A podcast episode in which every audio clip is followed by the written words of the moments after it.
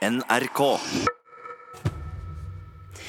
Hvordan eh, ser rollelisten eh, for Kulturnytt eh, ut, Ugo Fermarello? Som dette Batman, Wonder Woman, Charlie Chaplin og Solan Gundersen.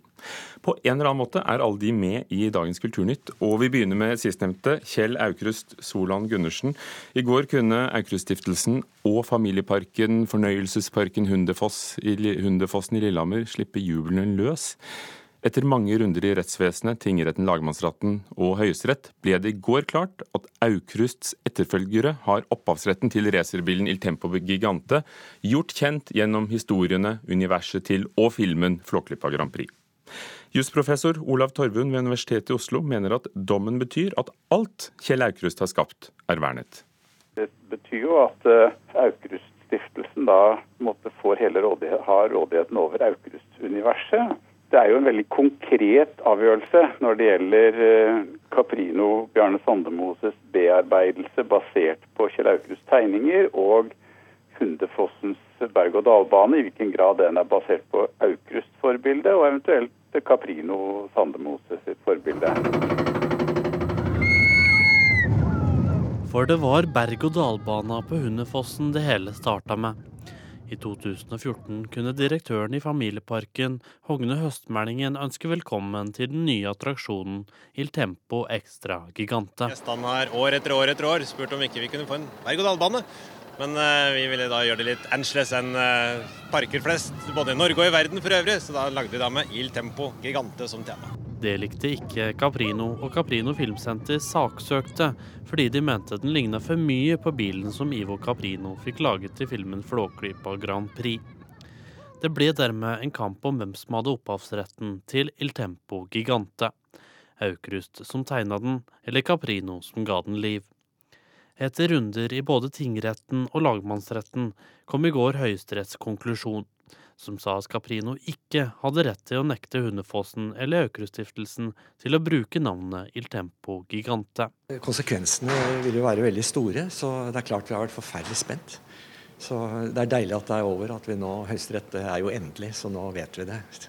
Det sa styreleder i Aukruststiftelsen Lars Espen Aukrust til NRK i går. Altså, Kjell Aukrust var jo, eh, altså min onkel, da, han var jo eh, en av de mest humoristisk sprudlende og skapende mennesker som noen gang har gått rundt i Norge.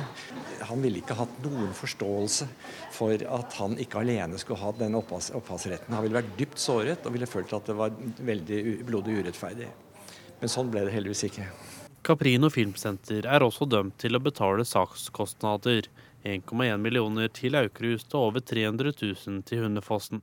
Remo Caprino skriver i en SMS til NRK at dommen er en stor skuffelse, og at han nå vil gå gjennom Høyesteretts premisser sammen med sine advokater før han uttaler seg ytterligere til media. Fortalte reporter Lars Bilit Hagen. Superheltene er tilbake, og flere av dem sammen. I går var det verdenspremiere på filmen Justice League, der vi møter Batman, Superman og Wonder Woman. NRKs filmkritiker Birger Vestmo sier at regissør Zack Snyder som vanlig er solid på actionbiten, men resten, ja, hvordan står det til med resten av historien?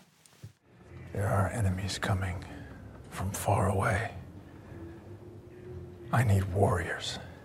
I'm building an alliance. Så er de her, Justice League, gjengen som Warner Bros og DC Comics håper skal bli like store som Avengers. Det er ikke helt lett å se for seg at det blir en realitet, fordi filmen rett og slett ikke er like god. Om det kun er superheltaction som teller, innfrir Justice League med et arsenal av datagenererte sekvenser. Underholdningsfaktoren er likevel forbausende middels. Regissør Zack Snyder pøser på med drønnende effekter, der både superhelter og skurker slenges i vegger så betongspruten står gjennom hele filmen. Det blir faktisk litt ensformig og masende etter hvert. Filmens største problem er likevel at den tar seg sjøl veldig alvorlig, med lite rom for sjølironisk tøys og moro. Justice League virker som en brukket forsamling med et lovende potensial som denne filmen ikke makter å utnytte fullt ut. Batman? So you're fast. That feels like an oversimplification. I'm putting together a team. People with special abilities. Batman, spilt av Ben Affleck, forsøker å samle en gjeng superhelter. Verden trues nemlig av dommedagsfiguren Steppenwolf, spilt av Kieran Hines, som er på jakt etter tre såkalte moderbokser. For lenge siden ble de gjemt av henholdsvis amazonene, atlantianerne og menneskene fordi de kan ødelegge jorda hvis de blir forent. Nå søker Batman hjelp fra Wonder Woman, spilt av Gal Gadot, Aquaman, spilt av Jason Momoa, The Flash, spilt av Ezra Miller, og Cyborg, spilt av Ray Fisher, for å nedkjempe Steppenwolf. Første utfordring blir å finne ut om de kan gjenopplive den avdøde Superman, spilt av Henry Cavill. You got a team here. Superman can bring this team together better than I ever could. His strength Doesn't matter how strong you are or what abilities you might He's have. more human than I am. Justice League fører oss inn i en pågående historie, der det absolutt er en stor fordel å huske begivenhetene i både Man of Steel, Batman vs. Superman, Dawn of Justice og Wonder Woman. Ikke alle figurene kjenner hverandre ennå, og båndene mellom dem er løse og uklare. Filmen sliter med å opprette emosjonelle bånd mellom dem og til publikum. Justice League fremstår derfor som et rent Zack Snyder-produkt på godt og vondt. Den er ganske solid på actionområdet, men virker litt likegyldig på historiefronten. Alle figurene har egne filmer på gang, og det er lov å se fram til dem, spesielt Wonder Woman 2, men den første samlinga av de her DC-heltene fungerer ikke så godt som det var lov å håpe. You see, I believe enemies are coming. Stop right there. I'm in. You are? Justice League med verdenspremiere også i Norge denne uken. Birger Vestmo hadde sett den. Og så minner jeg om at på Filmpolitiets sider på nrk.no er alle ukens premierefilmer anmeldt. I kjølvannet av den verdensomspennende metoo-kampanjen mot seksuell trakassering rystes også dansk filmverden. Filmprodusenten Peter Aalbeck Jensen, og han er ingen hvem som helst, er i hardt vær etter nye avsløringer. Det har også ringvirkninger for en norsk storfilm. Reporter Oddvin Aune.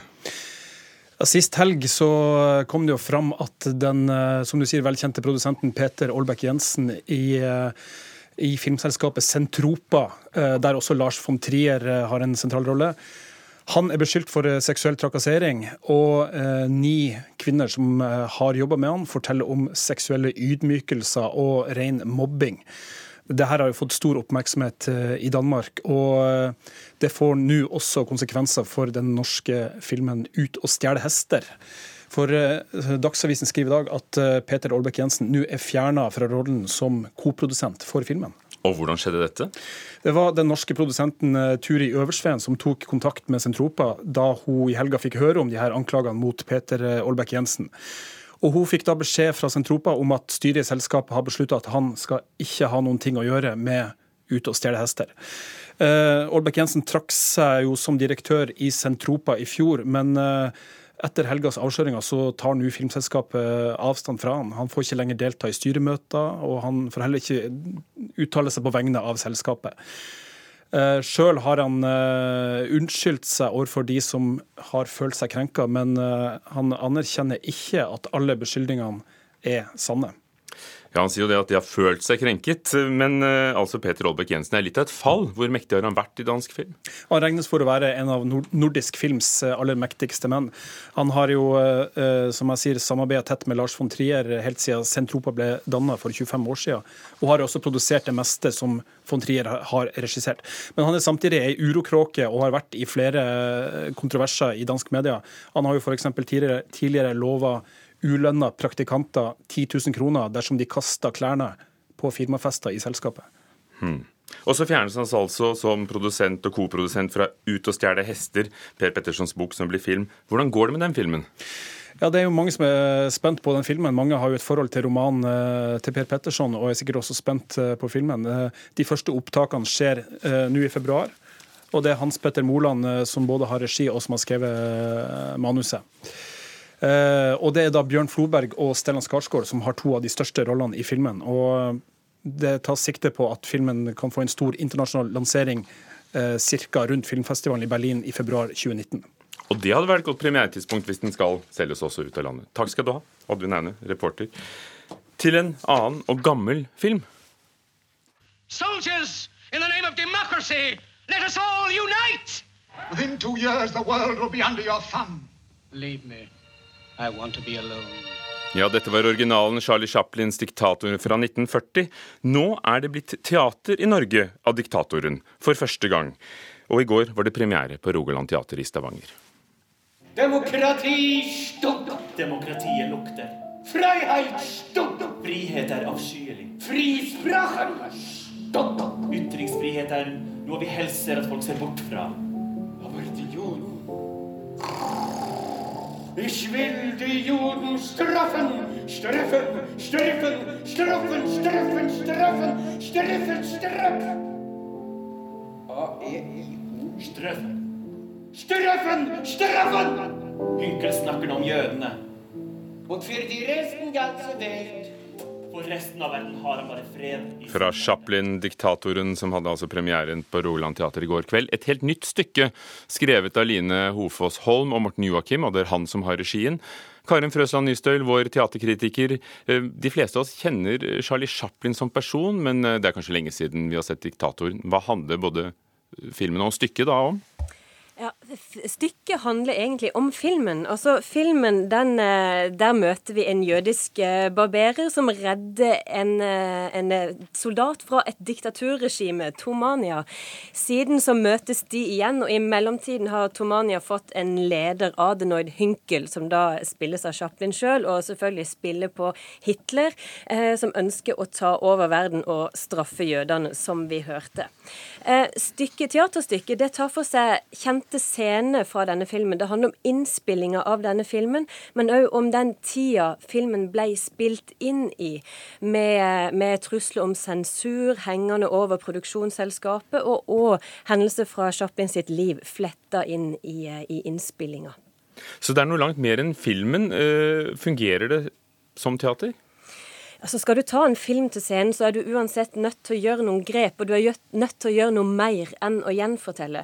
Og med den lange tida som er gått, med krigen som har vært og alt annet som har skjedd etter det, så syns jeg det er fint at de tar for seg spennet mellom filmen og eh, den tida den ble til i. Og det at, vi, eh, at dette teaterstykket kommer nå, det gjør at de, i teaterstykket kan man plukke så mange referanser, ikke bare fra Chaplin, men også fra ettertida, og, eh, og bake inn. Og det syns jeg egentlig er ganske interessant. Jeg liker dette spennet. Jeg liker at jeg kan lese inn eh, elementer fra min egen samtid eh, i politikken rundt i verden inn i små drypp i dette skuespillet her. Ja, betyr det at du ser og hører paralleller til dagens toppolitikere? Nei, men jeg kan lett tenke meg det, og det har, eh, det har ingen vondt av. Um, vi vet jo at, eh, at eh, diktatorer ikke er så glad i humor, verken i eh, 1940 eller i dag. Hmm. Ja, Vi har jo snakket om eh, Mugabe som er blitt avsatt i, i Zimbabwe i dag. Lars Fundre Johansen spiller rollen som Chaplin. Eh, Det kan ikke være lett? Nei, det er sikkert ikke lett, men det er sikkert veldig gøy. Altså Lars Fundre Johansen, eh, som kanskje de aller fleste kjenner fra familiesagaen De syv søstre, der han spilte Kjell Magne for, for noen år siden. Han lager en Chaplin der han bruker Vi kjenner Chaplin igjen, og så legger han inn eh, mye av eh, seg sjøl. Han gjør en egen tolkning. Og jeg må si jeg, jeg liker den Chaplin. Og jeg liker òg at denne oppsetninga her bruker mye bevegelse, bruker mye dans. Eh, og så er, så er de ekstremt avhengige av komiske talenter og av god timing og et godt ensemble, og det får du her. Chaplin, diktatoren på Rogaland teater, Karin Frøsland Nystøl. Er det bra? Det er bra. Slutten mangler kanskje litt snert, men jeg syns dette er blitt et godt teaterstykke. Takk skal du ha. Og det var det vi hadde i Kulturnytt i dag.